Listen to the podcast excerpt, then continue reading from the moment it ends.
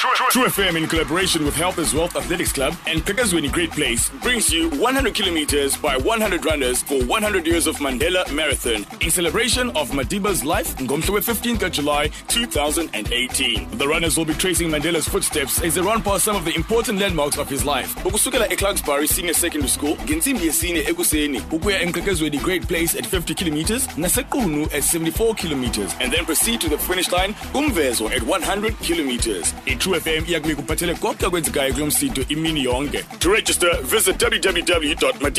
co za and select madiba run true fm commemorates madiba's life through sport like no one else